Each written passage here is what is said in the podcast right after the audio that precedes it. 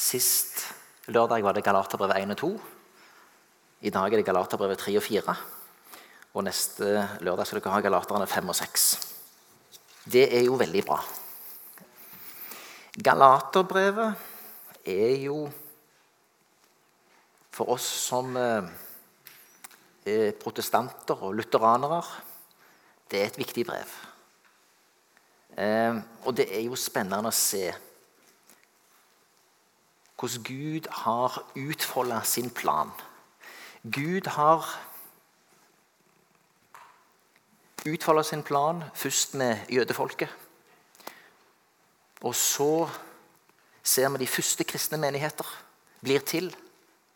Og så ser vi altså at det skjer ting i de første kristne menighetene som eh, trenger litt eh, kommentar. Trenger litt oppfølging. Så I Det nye testamentet så har vi da veldig mange brev, de fleste fra Paulus, men også noen andre, til menigheter. Der, der vi ser at Paulus og de andre kommer med råd og innspill. Galaterbrevet er et brev til kristne som har eh, begynt å legge noe til.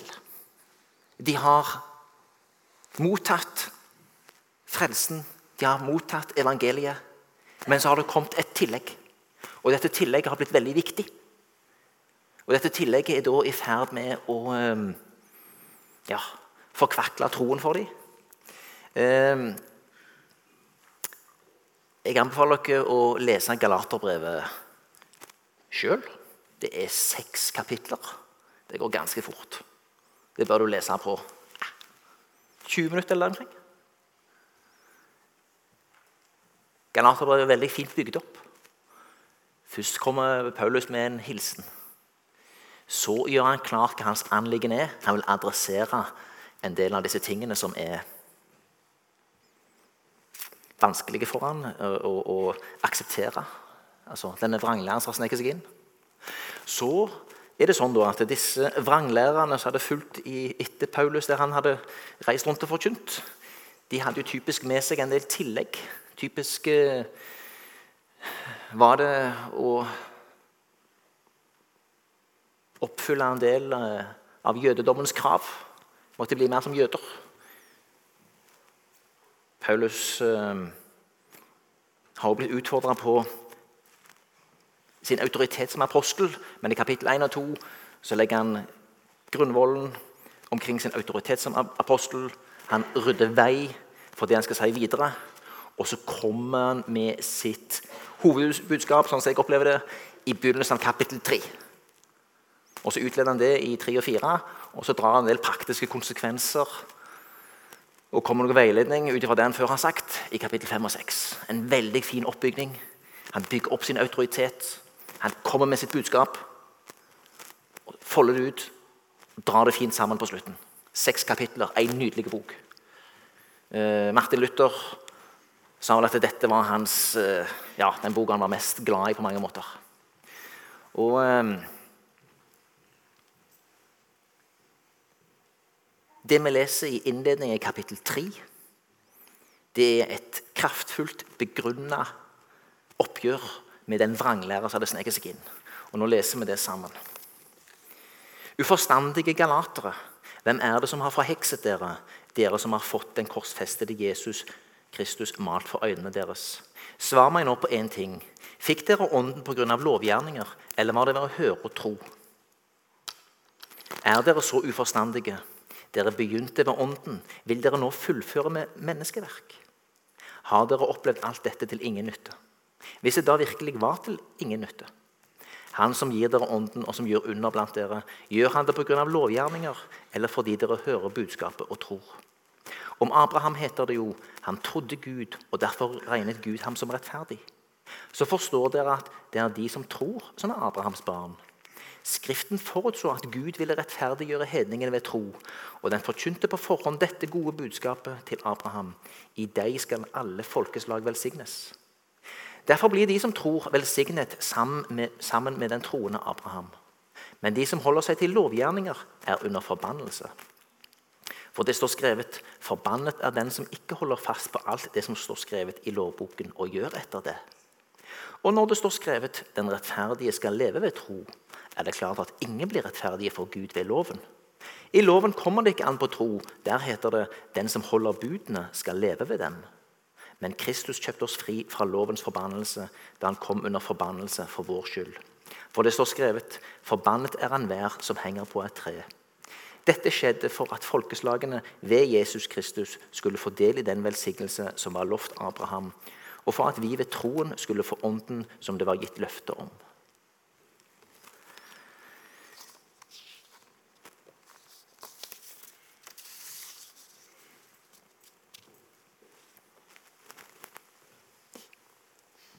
Det er ikke rart at eh, Luther satte Galaterbrevet høyt.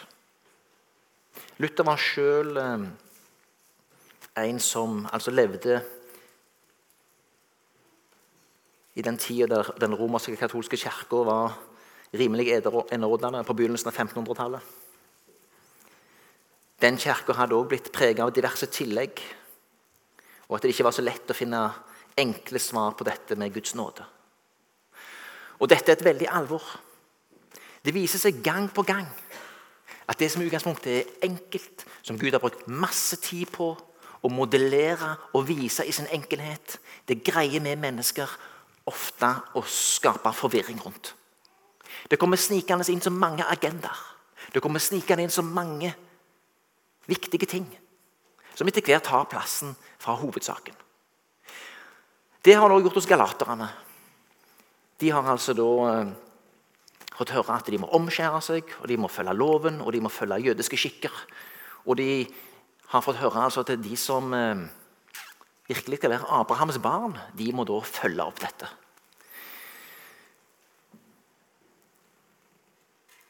Paulus er Han er frustrert. Og det er Jeg tror ikke det finnes ei bok i Bibelen der du ser avsenderens iver over å nå gjennom til leserne sine. Paulus eh, sier bl.a. i kapittel 4, vers 20.: Jeg skulle ønske jeg var hos dere nå og kunne finne den rette tonen overfor dere. Jeg vet virkelig ikke hva jeg skal gjøre med dere. Han syns rett og slett det er vanskelig å bare skrive et brev. Som vi vet, sånn Direkte kommunikasjon kan av og til virke tydeligere og sterkere. Han jobber hardt med legge ting fram på en god måte. Når du skriver, kan det bli litt vel hardt. Han må veie ordene. Han jobber virkelig med å få fram sitt budskap.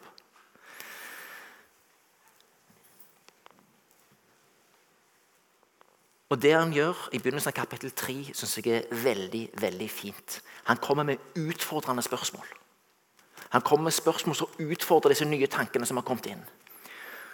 Og vi tar dem hvem er det som har forhekset dere, dere som har fått den korsfestede Jesus Kristus malt for øynene deres? Dere som altså har fått sitt inn i evangeliets hemmeligheter. Dere som har fått dette malt for øynene deres. Og så har dere også begynt med noen tillegg. Svar meg nå på én ting. Fikk dere ånden pga. lovgjerninger, eller var det ved å høre og tro? Han utfordrer noe enormt. Fikk dere troen med å oppfylle en del krav? Eller fikk dere troen eller ånden pga. lovgjerninger, eller var det å høre og tro? Er dere så uforstandige? Dere begynte ved ånden. Vil dere nå fullføre med menneskeverk? De begynte ved ånden. Det var en åndens åpenbaring. Det var en vekkelse. Det var slik at Ordet hadde kommet de nær. Paulus hadde fått se dypt inn i dette. Jesus Kristus hadde vist seg for ham direkte sjøl, og det han sjøl hadde lært eh, Om eh, Guds åpenbaring i Det gamle testamentet. Nå åpenbarer seg for Paulus. Wow! Alt det som står der i Det gamle testamentet, det det er jo noe som peker fram mot Jesus. Han ser det så klart. Hvis du leser i Lukasevangeliet kapittel 24, så er det Emmaus-vandrerne som etter at Jesus har dødd på korset, vandrer Og så kommer Jesus med dem, og så legger han ut for dem alt som står skrevet om ham i Skriftene. Helt fra Moses og framover. Onsdag 21. november da får vi besøk av Magne Vatland. Da vil han eh, snakke ut ifra Gamle testamentet, ut ifra det som Jesus sier. Eller det som Jesus gjør der. Han legger altså ut da Jesus til Emmaus-vandreren, disse to disiplene, om hva som står om han i Det gamle testamentet. Slik at det skal bli klinkende klart for dem at Det gamle testamentet og det som står der, er en eneste lang eh, vandring mot at Messias skal komme. Og nå har Paulus sett og forstått. Jesus er Messias. Han er den vi venter på.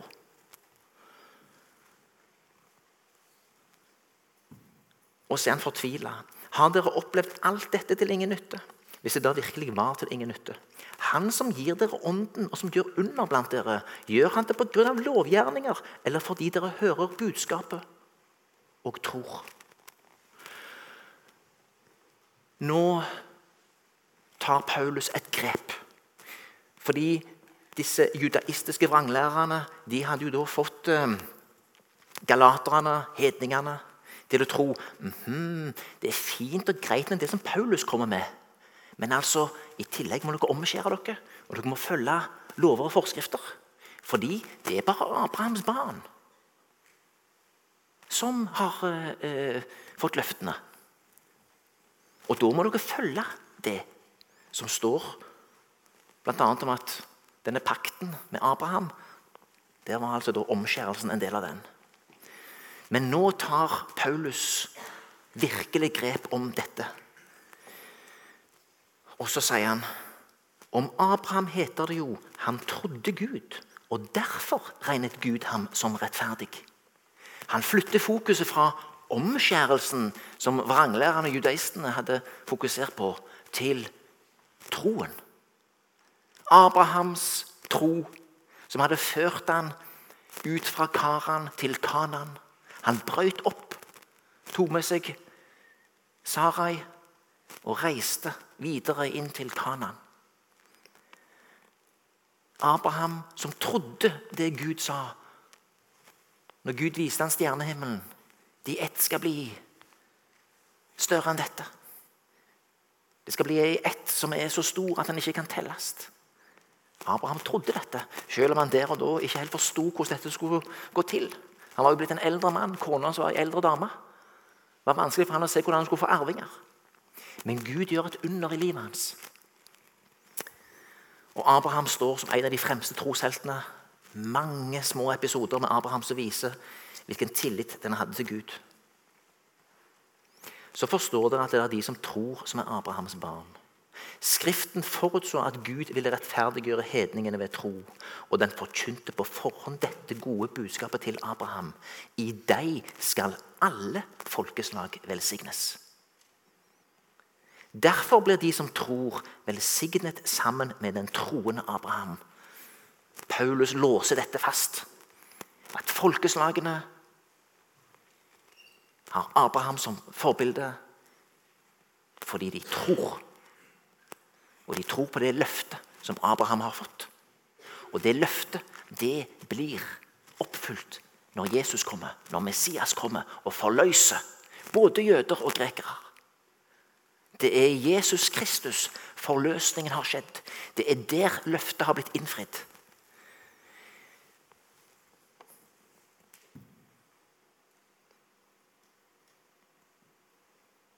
Men de som holder seg til lovgjerninger, er under forbannelse. Da trykker han de tilbake. For når de kommer med loven igjen og legger et tillegg, da, gjelder altså ikke evangeliet for dem. For da har de ikke satt sin lit til løftet. Da har de ikke satt sin lit til Kristus. Da setter de fremdeles sin lit til loven. Eller iallfall deler seg litt mellom Kristus og loven. Og det går ikke an. Det er Kristus alene.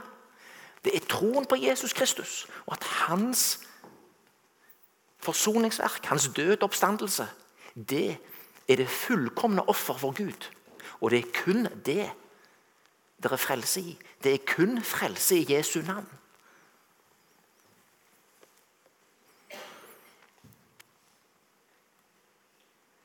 For det står skrevet 'Forbannet er den som ikke holder fast på alt som står skrevet i lovboken, og gjør etter det'. Og når det står skrevet 'Den ferdige skal leve ved tro', er det klart at ingen blir rettferdig for Gud ved loven. I loven kommer det ikke an på tro.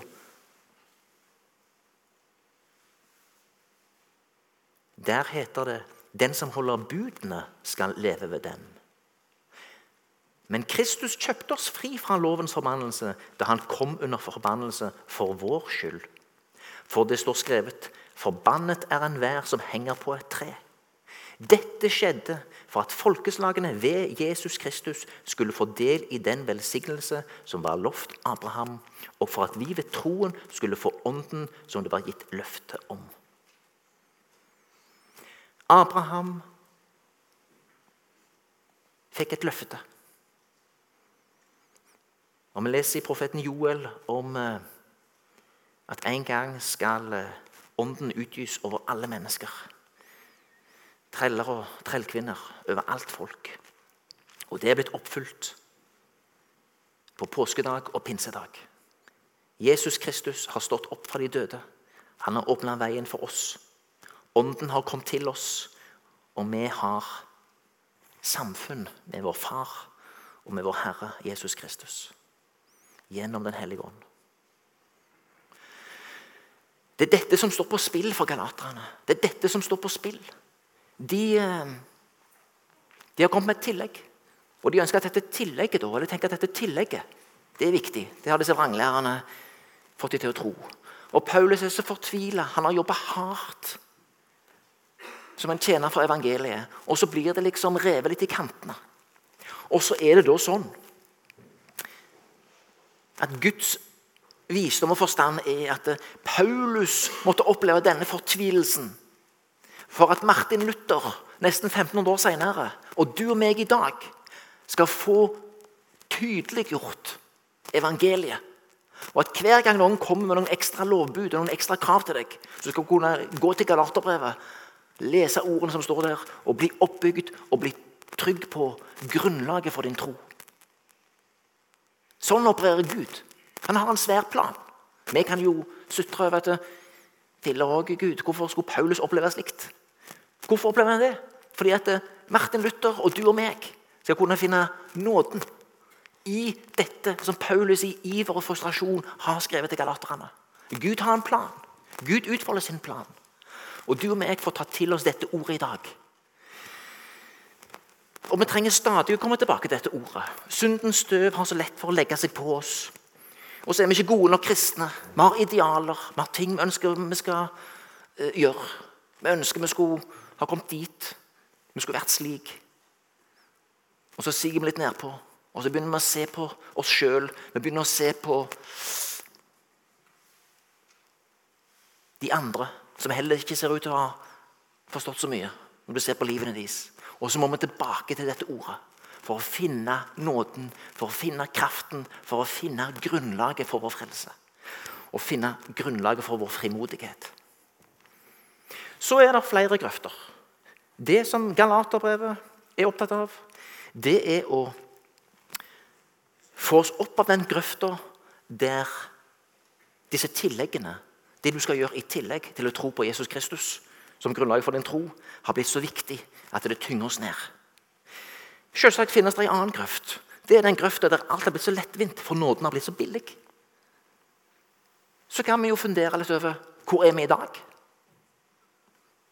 Jeg tror vi alle pendler i faser mellom den ene og den andre grøfta. Og det kan være historiske tider der en ligger der eller der.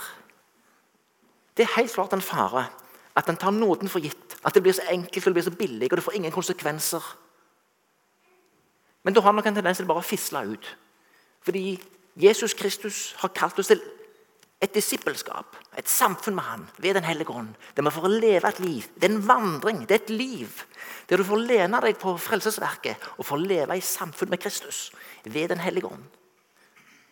Når dette får bli en livsrelasjon der du får være poda inn på treet, så kommer det grønne blader, så kommer det frukt. Og så pendler du kanskje mellom å lete etter frukt hos deg sjøl der du trenger å lese Galaterbrevet. Og på den andre sida der du da har, nåden har blitt så billig at noen trenger å røske deg tak i deg, og du trenger å høre andre ord fra andre brevskrivere i Bibelen, fra andre deler av Skriften. Vi mennesker har en tendens til å bevege oss fra grøft til grøft. Men jeg tror likevel at vi må holde fast på det som er Paulus' anliggende her. At du må vite hva som er grunnlaget. Du må være grunnfesta og trygg i din tro. At den hviler ikke på noe hos deg sjøl. Mennesket er skrudd sammen sånn at vi vil gjerne bidra litt sjøl. Vi vil gjerne bli litt fromme og skikkelige. Det er mye enklere enn å stole fullt og helt på noen andre. Så Sånn sett eh, vil dette alltid være aktuelt og viktig eh, anliggende. Paulus har altså utfordra Han har, han har eh,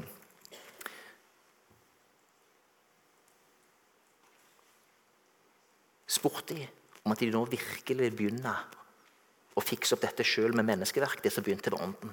Og Så bruker han videre eksempler. Videre i kapittel 3, vi kan lese vers 15-18. Brødre, jeg tar et eksempel fra dagliglivet. Ingen kan oppheve eller forandre et rettsgyldig testamente, enten det bare er opprettet av, et menneske. Gud gav løftene til Abraham og hans ett. Det står ikke flertall til hans etter, men entall til din ett. Det er Kristus. Jeg mener altså dette. En pakt som allerede er opprettet av Gud, blir ikke opphevet av loven som kom 430 år senere, slik at løftet settes ut av kraft. Hvis arven avhenger av loven, da blir den ikke gitt pga. løftet. Men det er jo ved et løfte Gud i sin nåde ga arven til Abraham. Paulus bruker dette her bildet med testamentet. Og så viser han da eh, at Gud har gitt eh, et løfte til Abraham. Ikke hans etter, men din ett. Og det er den etter som eh, er Jesus Kristus. Gud lagde en pakt med Abraham lenge før loven kom. Og Da kan ikke dette løftet være knytta til eh, loven. Nei. Det er jo et løfte Gud i sin nåde gav arven til Abraham.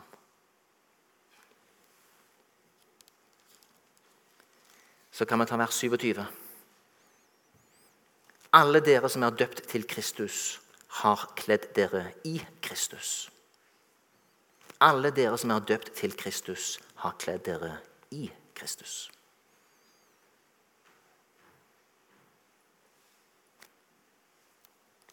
Vi er altså da døypt. Vi døyper ungene med litt vann på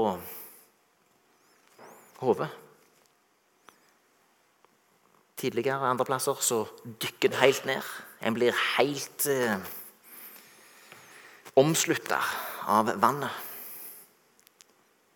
Kanskje en ser det enda tydeligere da. Vi har kledd oss i Kristus. Vi har blitt rensa. Det det gamle er borte. Vi er blitt oppreist med Han. Her er det ikke jøde eller greker, slave eller fri, mann og kvinne. Dere er alle én i Kristus. Og så avslutter han fint i kapittel 3. Og hører dere Kristus til, er dere Abrahams ett og arvinger ifølge løftet. Halleluja. Og hører dere Kristus til, er dere Abrahams ett og arvinger ifølge løftet. Vi er altså Abrahams ett. Uavhengig av omskjærelse, uavhengig av å følge jødenes uh, forordninger og lover.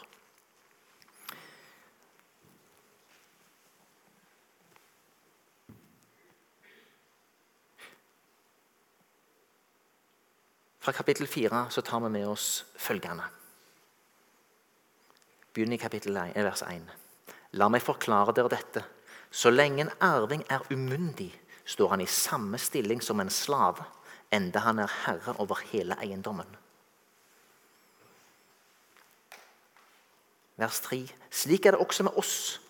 Da vi var umyndige, levde vi som slaver under grønnkreftene i verden. Vers 4. Men i tidens fylde sendte Gud sin sønn, født av en kvinne og født under loven. Han skulle kjøpe dem fri som sto under loven, så vi kunne få barnekår. Fordi dere er barn, har Gud gitt sin sønns ånd i våre hjerter, og ånden roper, roper 'Abba, far'. Derfor er du ikke lenger slave, men sønn. Og er du sønn, er du også arving, innsatt av Gud. Du er et Guds barn. Du er Guds sønn, Guds datter. Og du har Jesus Kristus som herre og bror. Du er kommet inn i et livsfellesskap. Du har kommet inn i en familie. Du er altså blitt eh, Du har kommet inn i et slektskapsfamilieforhold ved Ånden. Det er ikke en teori, det er et liv. Det er et liv ved Ånden. Du har fått Guds ånd hvis du har tatt imot Jesus Kristus. Du hører, du tror, du blir døypt. Derfor er du ikke lenger slave, men sønn eller datter. Og er du sønn eller datter, så er du òg arving, innsatt av Gud. Du skal arve Guds rike.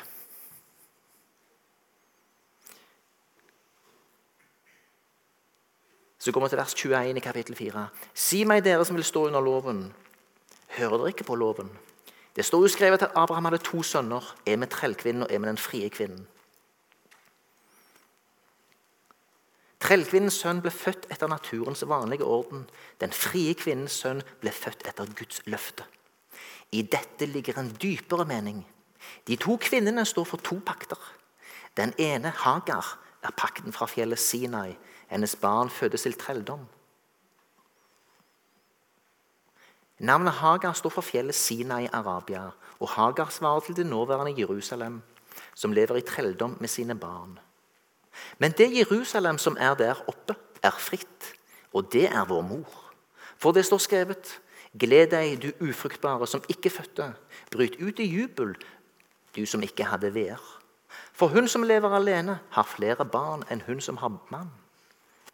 Og dere brødre er barn i kraft av løftet, slik som Isak. Men han som var født på vanlig måte, forfulgte den gang ham som var født i kraft av ånden. Og slik er det også i dag. Men hva sier Skriften? Jag ut trellkvinnen og sønnen hennes, for trellkvinnens sønn skal ikke dele arven med den frie kvinnens sønn. Altså, brødre, er vi ikke barn av trellkvinnen, men av den frie kvinnen.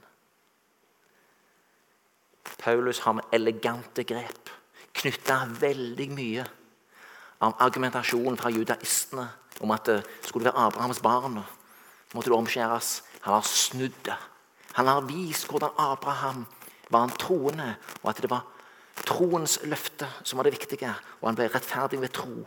Og så viser han òg gjennom den eh, overnaturlige fødselen til Isak.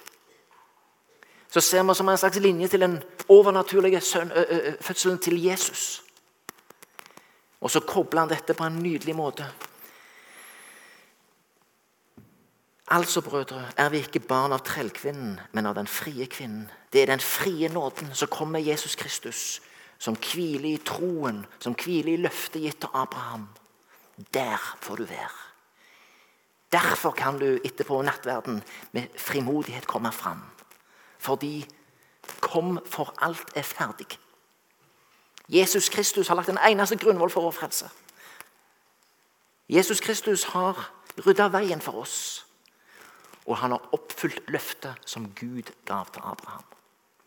Vi ber. Herre, takk for din underfulle plan.